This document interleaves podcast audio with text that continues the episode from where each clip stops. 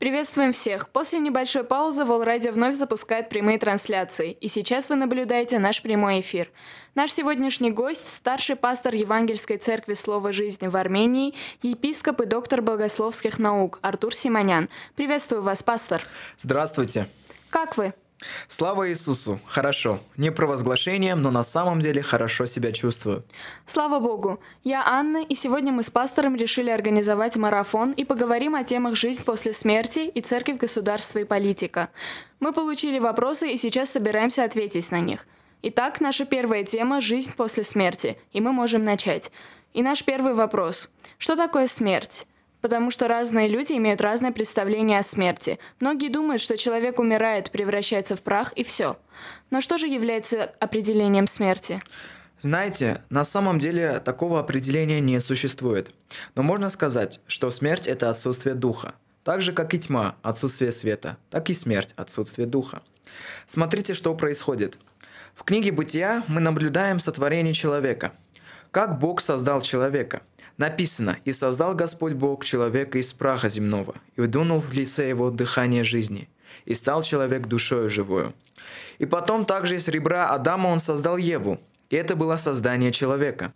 Без духа человек не может существовать. Что происходит с человеком, когда он умирает? Мы ведь сейчас говорим о смерти. Дух выходит из него, то есть все то, что ты видишь, слышишь, чувствуешь, это футляр.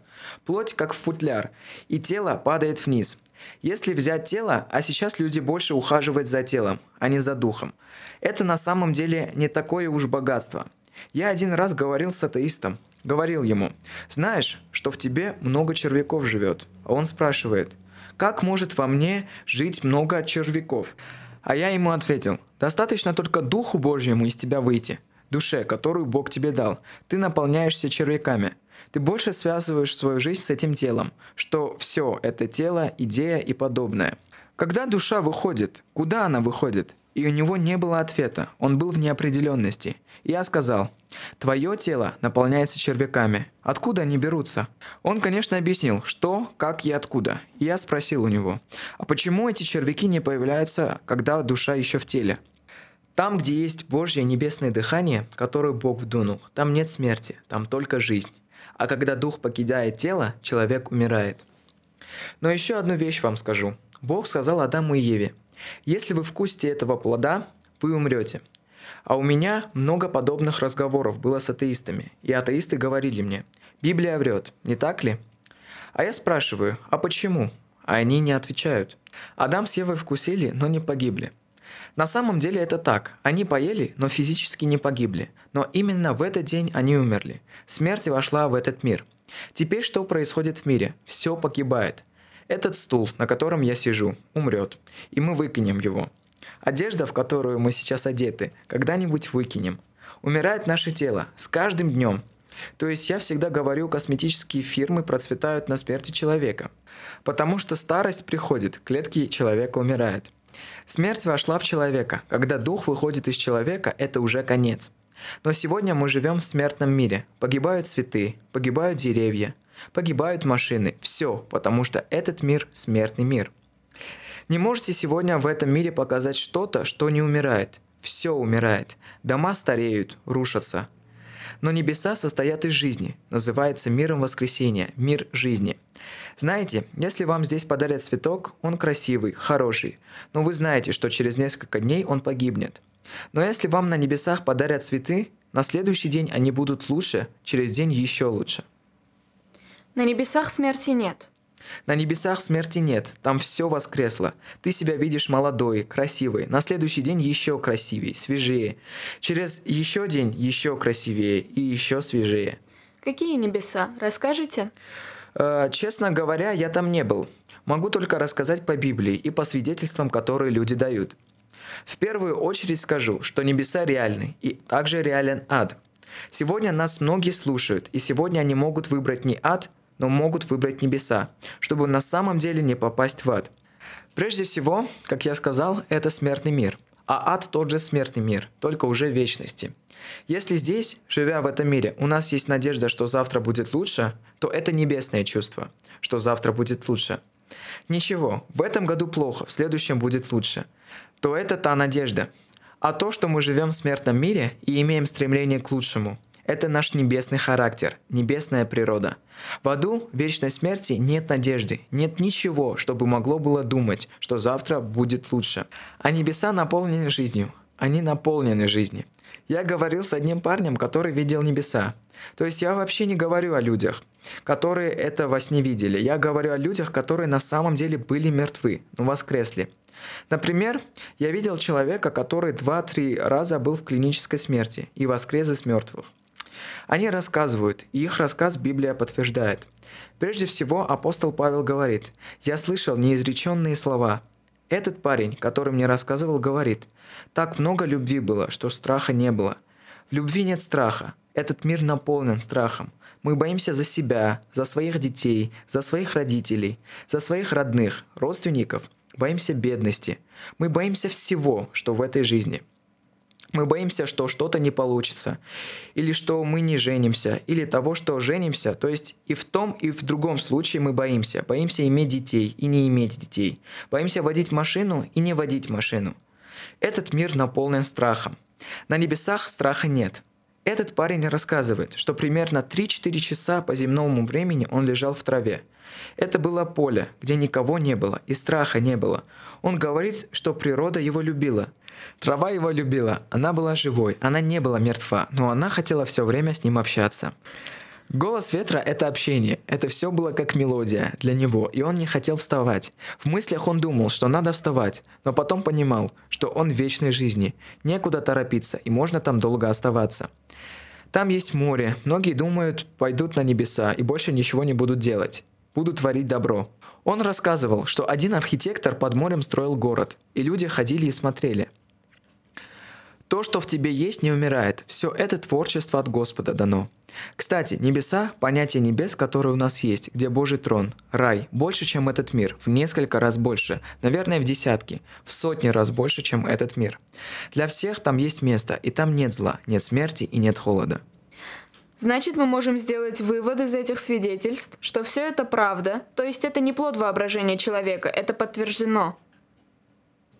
Знаете, небо – это момент веры – Веришь или не веришь? Конечно, мы вдвоем, как люди, которые верят в Бога. Мы верим, но, возможно, сейчас кто-то нас слушает и говорит, что это ложь. Это просто что-то выдуманное или сумасшествие. Глупое видение или что-то такое. Но мы верим, что это правда. Ну ладно, допустим, это безумие. Предположим, что это безумие и спрашиваешь. А тогда что после смерти? У них нет ответа.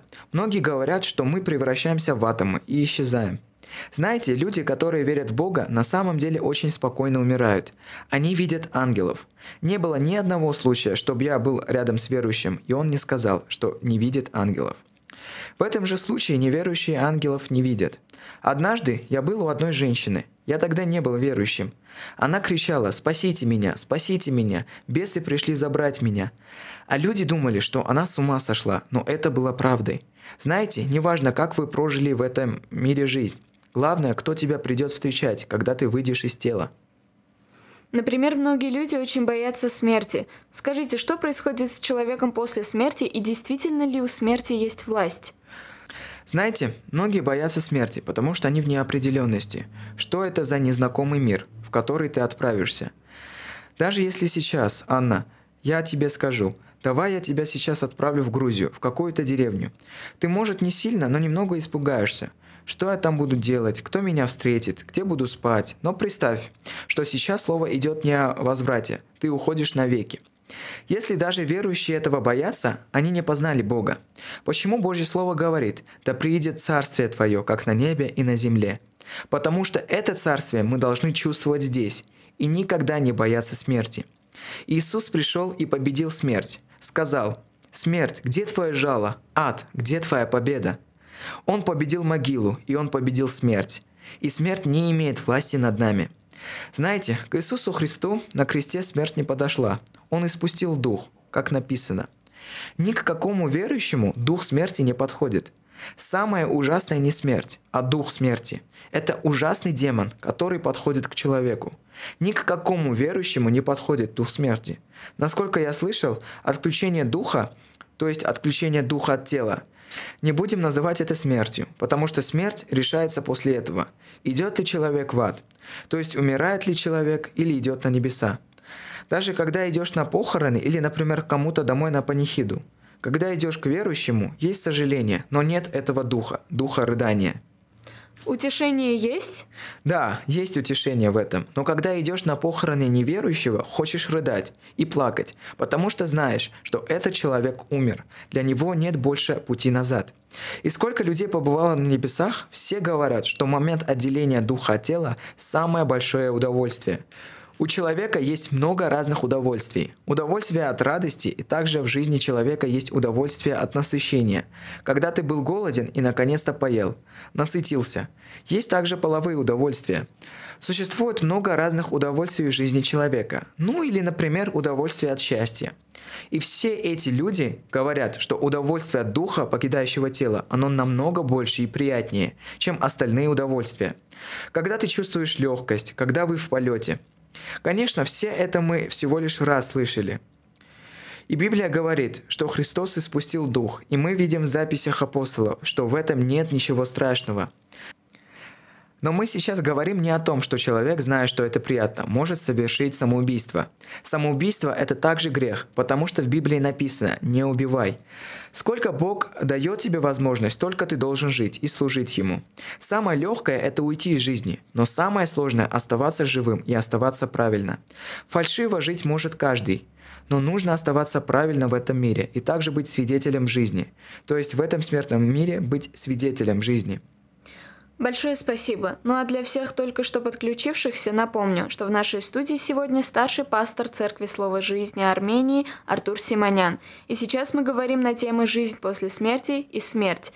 Кстати, если у вас есть какие-то интересные или беспокоящие вас вопросы, вы можете оставить их в наших комментариях, и мы обязательно к ним вернемся. Итак, продолжим. Я знаю, что когда вы только покаялись, вы видели ад. Расскажите нам, как это случилось и как там. Это было еще в коммунистическое время. Я встретил Господа, но мы оставим эту часть так, как я встретил Господа и то, как я покаялся, как пришел в церковь. Я вообще вырос в неверующей семье. Мой дедушка был атеистом. Они не верили в Бога, но я пришел к Богу, и это был именно первый день, когда я покаялся, пришел к Богу. Я был счастлив, я чувствовал присутствие Бога в своей жизни и счастье. Но когда я пришел домой, пришла одна мысль. Знаете ли вы, что в то время означало быть верующим? И тем более я был молодым. Обычно только бабушки и дедушки становились верующими, и немного молодых, которые были их детьми. Неужели ты оставишь все и будешь сидеть, маяться с бабушками и дедушками? У меня была очень яркая жизнь. У меня не было финансовых проблем, была яркая жизнь. Неужели ты все это оставишь и пойдешь прославлять, вставать на колени и молиться с бабушками и дедушками? И подаришь всю свою жизнь этому? Я думал, что я бросил курить, потому что у меня была встреча с Богом. Но оказалось, что в этот день я не бросил курить. Я снова взял травку для того, чтобы курить. И неожиданно в армянском, к сожалению, нет такого слова, но в русском очень замечательные слова. Сон и сновидение. И я неожиданно оказался в этом сновидении – будто бы отключился. И вдруг я чувствую, что выхожу из своего тела, и передо мной стоит ангел. У ангела не было крыльев. Потом я заметил, что есть разные категории ангелов. Он был сопровождающим меня. И он сказал, пошли за мной. Он был очень красивым молодым человеком, то есть мужчиной. Но никому не нужно было говорить мне о том, что он ангел. Я знал, что он ангел, в нем была сила. Кстати, добавлю, что на небесах нету старости. Там все молодые, там всем примерно 30 лет, абсолютно всем. И я за ним пошел. Мы спустились под землю, и там были заржавевшие двери. Эти двери открылись. Мы зашли туда, и двери закрылись. И там начался ужас. Но я шел за ангелом. Прежде всего, там была влажность. Не было света. Темнота, влажность и не было надежды. Абсолютно не было надежды на то, что завтра будет хорошо. Этой надежды не было. Абсолютно. Я понял, что это ад. Знаете, это было похоже на тюрьму. Одним из самых ужасных был запах смерти, как будто дохлая кошка или дохлая собака сгнившая. Такие вот запахи. Каждый грех имел свой запах – и вот бывает, когда ты идешь, и тебе кажется, что за тобой кто-то идет и следит. Это было присутствие сатаны. И я поворачивался, но его не было, но он смеялся. Каждый человек, какой смертью умирал, такой же умирал там, но не умирал. Это не заканчивалось. И все, что ты хочешь вспомнить, ты не помнишь. Но все, что ты хочешь забыть, вспоминаешь там. То есть процесс продолжительный, цикличный. Этот процесс продолжительный и вечный. И ты знаешь, что у тебя это чувство, что это будет вечность. У тебя нету от этого спасения. То, что хочешь вспомнить, забываешь. То, что хочешь забыть, вспоминаешь. Ужасный запах, холод и темнота. Потом, однажды кто-то меня спросил, «А ты видел огненное озеро?» Нет, честно говоря, огненного озера я там не видел. И только потом, когда я начал читать Библию, я увидел, что ад будет сброшен в озеро огненное. Это тюрьма. Открывается одна дверь, и я вижу своего дедушку. Мой дедушка был коммунистом, который всегда хвалился тем, что никогда не был в церкви. Я очень любил своего дедушку и доверял ему, и по этой причине я тоже никогда не был в церкви. Дверь открывается, и он очень страшными и ужасными глазами смотрит на меня. И обычно ты хочешь прыгнуть, обнять своего дедушку, но этого чувства там не было. Мне не хотелось иметь с ним никакого дела. И он смотрел такими глазами, как будто говорил, «Ты тоже здесь оказался?» Не было ни сожаления, ни любви, ничего. Каждый думает сам за себя. Далее мы пошли в какое-то большое помещение, и там была молодежь. Очень много молодежи, студенческих лет. И я понимаю, что это те люди, которые умерли. Люди разных языков, разных наций. Кстати, девочки были девочками, парни были парнями. Многие, которые считают, что это их модная свобода – менять пол. То есть не Бог решает, мальчик или девочка, а они сами – мы, конечно, поговорим об этом на следующей неделе. Они меняют пол, но в итоге в ад они идут как мальчики или девочки, и в вечности остаются теми, кто они есть на самом деле. Поэтому хорошо уже здесь согласиться с той правдой, которая есть, и найти Христа. И когда я увидел эти страдания, ангел взял меня за руку и сказал, пойдем со мной. И моей единственной надеждой был этот ангел, которого я видел. И мы шли. Демон закрыл дверь. Кстати, знаете, на кого были похожи эти демоны? Они, конечно, были разные, были похожи на животных разных. Были даже демоны, похожие на крыс, по 2-3 метра, и они бегали по людям. Змеи, крысы – это было жестокое место. Все было сгнившим. И Мел Гибсон в фильме «Страсти Христовы» очень хорошо изобразил демона. Если вы видели этот фильм, он не был девушкой и не был парнем. Он был среднего рода. Сегодня ужасно то, что даже мода, когда ты наблюдаешь за модой, модели, они не как девушки и не как парни, средний род, и там очень многие демоны были, похожи именно на них. И когда ангел взял мою руку, один демон смотрел на меня со скучившимися глазами. Вроде «Ты мой, я должен завоевать тебя, ты же был моим, как ты ускользнул из моих рук?» Когда мы вышли, ангел сказал «Посмотри назад». Я посмотрел назад, на те ворота, которые закрылись. Было темно, а впереди меня был свет. И ангел сказал, если еще один раз сюда зайдешь, больше отсюда не выйдешь. То есть нет возможности выбраться из ада, даже если человек покается? Да, потому что в моем случае это было видение. Я не был конкретно мертвым, я был там. Но это было видение, мой дух не был там. Можно сказать, что это было как бы земной экскурсией, земным туризмом. Я бросил свои все сигареты для курения, сжег все мосты, которые могли увести меня обратно в мир. Начиная с того дня и по сей момент я служу Господу. Не только для своего спасения. Вопрос моего спасения уже решен. Я решил вопрос своего спасения с Господом вместе. Я сегодня очень стараюсь. День и ночь работаю над тем, чтобы спасти других, чтобы никто не попал в то место, которое я увидел. Многие говорят, я так хочу увидеть небеса. А я отвечаю, знаешь, если ты увидишь ад, это тоже не так плохо будет. Ты больше не захочешь туда попасть. А, например, сатана, находясь в аду, есть ли у него возможность выбраться оттуда или быть прощенным? Возможности получить прощение у него нет, потому что в Библии написано – что человеку жизнь дана один раз, а потом суд. И точно так же для сатаны. Сатана был сброшен с небес. Очень давно, не так ли? Когда он поставил себя на место Господа. Кстати, очень интересный вопрос. Возможно, он у вас тоже есть, не знаю, но пару дней назад в Инстаграм меня спросили. «Пастор Артур, можете сказать, есть ли добро и зло?» Зло – это ад – а добро наверху, на небесах. Тогда сатана был ангелом. То откуда вообще зародилось там зло? Откуда он получил эту злую мысль? Ну на это есть ответ. Именно сатана и создал зло. Если бы он был под атаками, как люди, все было бы по-другому, так же, как Адаму была дана возможность. Бог спросил, «Адам, где ты был?» Адам ответил, «Змея меня обманула». И Бог ждал покаяния, но Адам не покаялся. Однако сатана не мог покаяться, потому что он сам зародил это зло. В Библии написано «В своем сердце ты зло зарождаешь», и в своем сердце он сам это зло зародил. И он родил этот грех. У него есть возможность выходить и приходить в этот мир, потому что Адам отдал этот мир в его руки. У него есть власть в аду, в смертном мире и в этом мире, но рано или поздно этот мир и ад будут сброшены в гиену огненную. И только будет Царство Небесное – Большое спасибо. В наши дни много преждевременных смертей среди молодежи, и многие люди винят в этом Бога, в потере родных. Почему Бог не сохранил его? Разве он не всемогущий, и разве не мог не допустить этого? И многие думают, что Бог оставляет надеющихся на него. Можете ли вы какой-то ответ дать на это? Что касается преждевременных смертей, Божье Слово говорит, в последние дни будут преждевременные смерти. То есть также будет погибать молодежь. Вы знаете, у этой медали есть две стороны, и нельзя однозначно ответить на этот вопрос. Прежде всего, мы говорим «Господь Бог мой, я свою жизнь отдаю Тебе, управляй ею как хочешь». И потом, если что-то плохое случается и выходит за рамки наших представлений об управлении Богом нашей жизнью, мы начинаем винить Его в этом – я скажу вам, что бывают смерти в молодом возрасте, и люди винят в этом Господа. Это правда.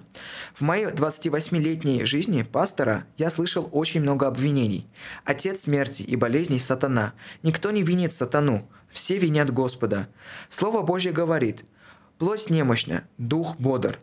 Очень многие болезни приходят именно из-за немощности плоти или из-за чего-то еще. Многие говорят, а почему Бог нас не спас? Бог спас. Если человек был верующий, будь он десятилетний, двадцатилетний, двадцати пятилетний, двадцати шестилетний, мы сегодня не говорим о смерти или жизни. Он спасен. У него есть вечная жизнь. А на небесах через несколько секунд мы все будем там. Потому что на небесах время работает по-другому. Тысячи лет Здесь это один день там. В мгновение ока в один день все мы будем там – все мы окажемся там. Сегодня, если мы измерим все в 80 годах, это будет неправильно. Разве Бог не строит свое царство? И там, и здесь. Все мерится не в днях, а в десятках или сотнях лет. Так нельзя. Если измерять жизнь только сегодняшним днем или завтрашним днем, мы получим неправильные ответы.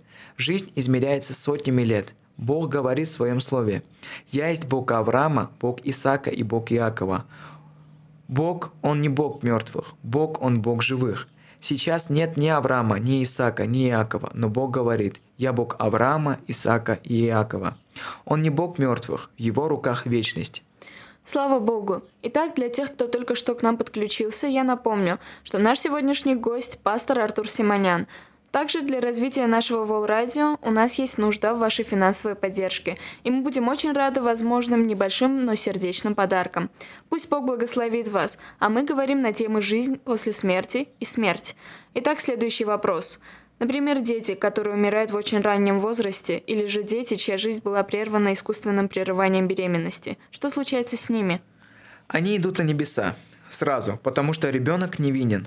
Многие говорят, что он рожден с первородным грехом, грехом Адама. Это не так. Ребенок рожден непорочным, святым и хорошим. Когда же впервые входит грех Адама? Когда ребенок первый раз сознательно грешит. Осознанный грех обычно появляется в подростковом возрасте. Обычно где-то в 7-8, даже нет, в 10-12. То есть неосознанный грех не является грехом?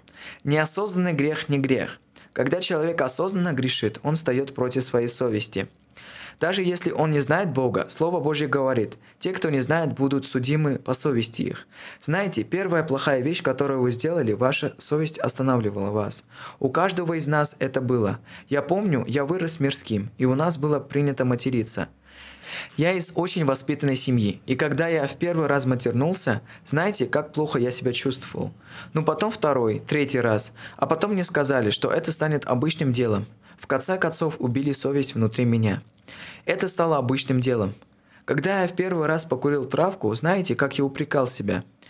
И каждый раз, совершая грех, я упрекал себя. Но потом это становится обычным делом, потому что ты затыкаешь свою совесть. Твоя совесть говорит с тобой. Маленький ребенок в очень маленьком возрасте не совершает осознанных грехов. Его осознанность еще не включена. И точно так же при искусственном прерывании беременности дети сразу идут на небеса. Там у них также есть школа. Они учатся в школе, растут до 30 лет и живут в вечной жизни. Спасибо. Мы поговорили о небесах, о смерти, о паде. Ну какая же дорога, ведущая к небесам и к вечной жизни? Иисус Христос сказал, «Я есть путь, я есть истина. У нас нет другого пути, другой истины, только Христос». Веря в Иисуса Христа, мы приобретаем. Приобретаем, живя жизнью Иисуса Христа, той жизнью, которую Иисус предусмотрел для нас. Иисус сказал, «Я есть жизнь, я истина». Нас сегодня слушают по Facebook в разных местах. Каждый человек в своей комнате сейчас может просто закрыть глаза и сказать, «Дорогой Иисус, прости меня, мои грехи, я даю тебе свою жизнь». В этот момент этот человек родится свыше, Бог простит ему его грехи, он станет новым человеком с новой жизнью. Однажды одну блудницу привели к Христу, и она должна была быть побитой камнями и умереть. И тогда Иисус сказал, «Пусть первым бросит камень тот, кто ни разу не согрешил. Все ушли, и Иисус сказал, «Я тоже тебя не виню. Иди и больше не греши».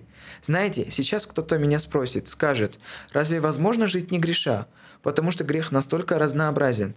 И, наверное, это невозможно, потому что со временем он меняет свое лицо или цвет. Но нужно бороться, жить борясь.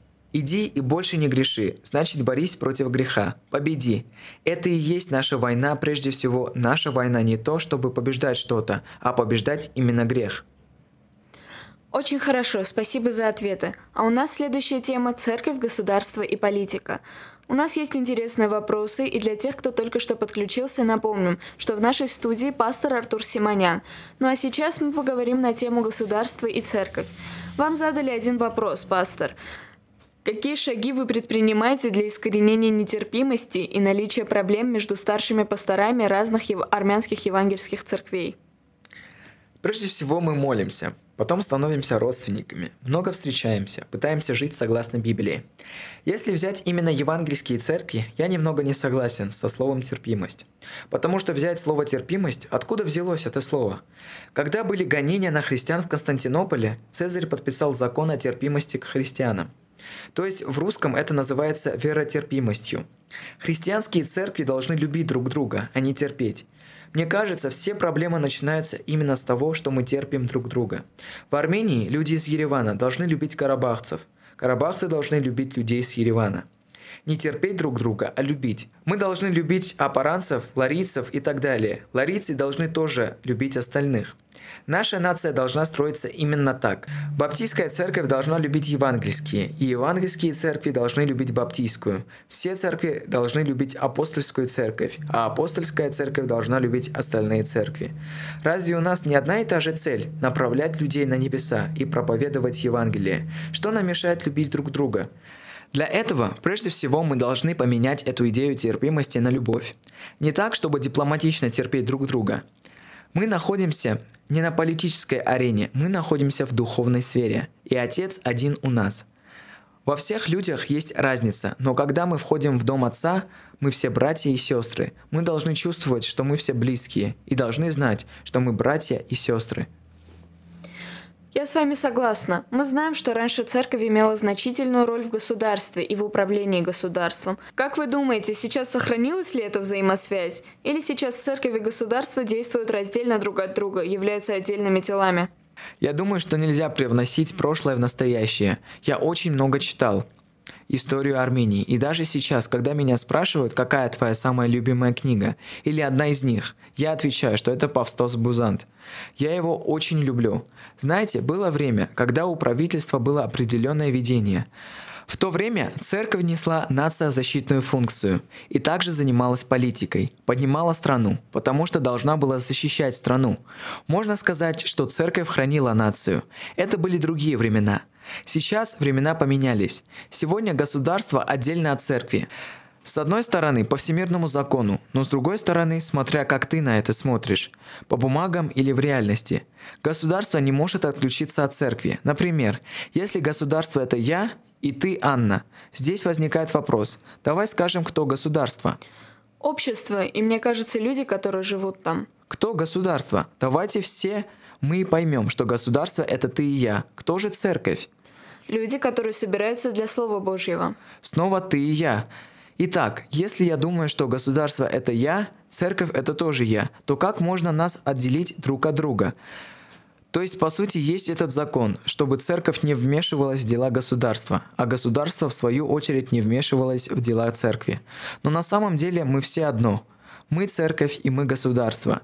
И я считаю, что эту отделенность люди, которые пишут законы, объяснить не могут. Или же они не в курсе, что такое церковь. То есть в любом случае надо быть одним целым. Да, ты не можешь отделить. Как можно, например, разделить саму себя? Во время выборов мы не выбираем государство, не так ли? Мы родились в нем. Мы лишь выбираем управляющего государством. Если я иду, голосую, я являюсь государством. Я выбираю управляющего государством. Я член общества. Я составляю какую-то часть государства. Не знаю, какую часть, но я составляю какую-то небольшую часть государства. Также внутри церкви написано, где двое-трое соберутся, я буду посреди них. Я составляю небольшую часть церкви. Государство в церкви и церковь в государстве. Как можно разделить это? Это невозможно разделить. Спасибо за ответ. Какова же тогда роль и значение церкви в государстве? Что должна делать церковь? Здесь я скажу, что у церкви в государстве есть много работы. Но, наверное, церковь не должна особо вмешиваться в сегодняшнюю дипломатию, то есть в политику. Церковь не должна вмешиваться в ложь. Сейчас сказать, что должна делать церковь в государстве, в государстве дел у нее, конечно, нет. Но вот что она может сделать нации? Мы ведь можем найти ответ на этот вопрос. Теперь я хочу понять, нации и государства, чем они отличаются друг от друга? Думаю, ничем. Опять же, если убрать общество, государство не останется, да? То есть какой-то территории государства не останется. Например, Африка очень большая. Там есть пустыня Сахара, но государство – это собрание людей. То есть, если вытащить людей, государство не будет существовать. Государство есть, когда есть человек, когда есть общество. И поэтому, какое дело имеет церковь в государстве? Та же самая работа, которую церковь имеет в нации. Церковь – это небольшой фильтр морали, если церковь на самом деле остается в своем призвании. То есть не вмешиваться в какие-то дела с управлением или в политику. Кого-то назначать, кого-то убирать. Но церковь занимается только своим делом – проповедовать Евангелие, любить людей, проповедовать людям доброту, помогать людям, показывать дорогу на небеса и говорить, что Бог есть. Как только люди поймут, что Бог есть, они все поставят на свои места. Но если человек будет думать, что Бога нет, он поставит себя на место Бога. Взять политических деятелей или же взять фараонов. Я очень много изучал жизнь фараонов. Многие сравнивали себя с Богом. Они именно так и говорили «Я Бог». Был один фараон, в один день он понял, что он не Бог, что есть настоящий Бог, и он принял Господа, нашего Господа. Когда он его принял, знаете, в первый раз что случилось в Египте? Он сделал памятники ростом с себя, и он вышел со своей женой на прогулку посреди обычного общества, и все были в шоке и поняли, что он такой же человек, как и они. Когда я читал это, я получил такое откровение, что когда человек узнает Бога, он ставит себя на место человека. Но людям это не понравилось. Этого фараона быстро убили, и пришли другие фараоны, и ставили себя на место Бога, и большие памятники построили, и люди думали, что он Бог. То есть, когда не знаешь Бога, ставишь себя на Его место. Сегодня то же самое продолжается в нашей жизни. Когда ты не знаешь Бога, любая личность, правительство, будь он министром, чиновником, премьер-министром, депутатом, кто бы он ни был, если он не знает Бога, он поставит себя на Его место, и это ужасно. Но как только он познает Бога, он себя на свое место поставит и хорошие дела будет делать. Дело церкви в нации сегодня – доказать всем, что Бог есть. Поставь себя на место человека, ты просто человек, и славь Господа. Это дело церкви, это дело церкви в государстве. Спасибо. Напоминаю, что вы можете оставить ваши комментарии и задавать нам вопросы, и по возможности мы ответим на них. Итак, можно сказать, что мы живем в новой Армении. Произошла революция. Многое поменялось. И многое продолжает меняться. И многие источники говорили, что слово жизни сравнительно пассивно и не участвует, не призывает людей выходить на улицы. При этом другие утверждают, что именно слово жизни поспособствовало этому. Хотелось бы услышать это именно от вас. Что вы делали и как вы участвовали? Знаете, наш адрес не поменялся. Мы на Табилисском шоссе – И мы остались в наших позициях. Не только мы, много других церквей. Мы пребывали в молитве и в слове. Знаете, есть время, когда ты не должен вмешиваться во что-то. Конечно, у людей нашей церкви есть свобода воли. Они могут пойти на площадь республики и так далее. Но как лидер церкви и церковь, мы молились за наш народ – Сразу скажу, что многим это не понравится. Для меня не важно, будь то партия Елк или республиканская партия. Я, как гражданин Армении и как духовный предводитель, я обязан любить всех, и республиканских, и других. То есть, когда стоит народ и когда стоит войско, оба наши братья. Слава Богу, ничего не случилось. Я считаю благодаря молитвам. Также предводитель Лидер восстания сделал очень хороший призыв, что должна быть любовь и солидарность. Дай Бог, чтобы это продолжилось, конечно. Мы в нашем положении. Мы не делали революции. Это ложь. Это как из области фантастики. Революцию совершил Никол Пашинян со своей командой. Не знаю, как он организовал это, но революцию в Армении совершили они с командой. Мы были в молитве. Честно говоря, революции совершают политические деятели. Мы больше реформируем. Мы делаем большие реформы, приносим реформацию, чтобы люди жили правильно, чисто, жили свято, понимая, что никакая революция, никакое правительство не может сделать ничего, если люди не поменяются. Прежде всего, нужно поменять их мышление. Мы революции не совершали, ну а что касается нашей пассивности, наш народ был также активен, тоже ходили, но наш адрес оставался прежним, и мы были в молитве. Вот еще интересно, во время выборов или подобного были ли политические деятели, которые просили вас призвать церковь для голосования за их партию? Честно говоря, в этот раз нет. Ну а вообще было ли такое? Ой, очень часто было. Про нас даже какие-то глупые фильмы снимали насчет говорения на языках, где сплошная ложь, какие-то обрезки вынесенные, и люди этому верят. И были люди, которые говорили, что мы должны встать рядом с ними, рядом с их политической партией. Некоторые даже говорили, что вредом у нас будет какой-то выигрыш с этого. Но наш выигрыш – это Бог. Мы никогда не вмешивались в политику. Народ нашей церкви свободен в этом плане. У нас есть и сторонники республиканской партии, и партии Ельк, и есть другие люди, которые не являются сторонниками ни одной партии. Я не являюсь сторонником ни одной партии, и все стоят и молятся вместе. Это можно увидеть только в Армении, что люди сторонники разных партий. Например, мне нравится в США.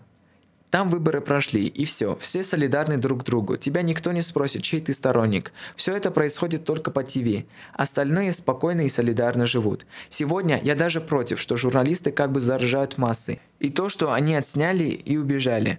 Но мы сегодня имеем дело с нацией. Здесь у церкви есть задача привнести любовь и солидарность в людей. Слава Богу, большое спасибо вам за ваши ответы. Спасибо, дорогая Анна. Ну что ж, наш сегодняшний выпуск подошел к концу. Мы очень рады, что вы смотрели нас. Те, кто не успел или подключился поздно, скажу, что мы сохраняем эфир на нашей странице, и сразу после окончания вы можете зайти и вновь послушать те части, которые вам интересны. Большое спасибо. И большое спасибо вам, пастор, что пришли к нам в студию. Надеюсь, у нас еще не раз будут с вами эфиры, и мы поговорим на интересные темы. Спасибо большое. Кстати, ваше слово нашим зрителям, какое-то слово от сердца. Те, кто нас сейчас смотрят и слушают, это ведь радио. Хочу еще раз напомнить, что Иисус – путь. Сразу после этой программы закройтесь в комнате, молитесь, скажите «Бог мой, прости мне мои грехи, я даю свою жизнь Тебе». Ваша жизнь поменяется, и Бог никогда не будет лишним в ней. Ты человек, так создан, у тебя есть нужда в Боге. Аминь. Слава Богу! Спасибо вам большое! Вы смотрели прямой эфир Волрадио в Фейсбуке. Встретимся в следующий раз.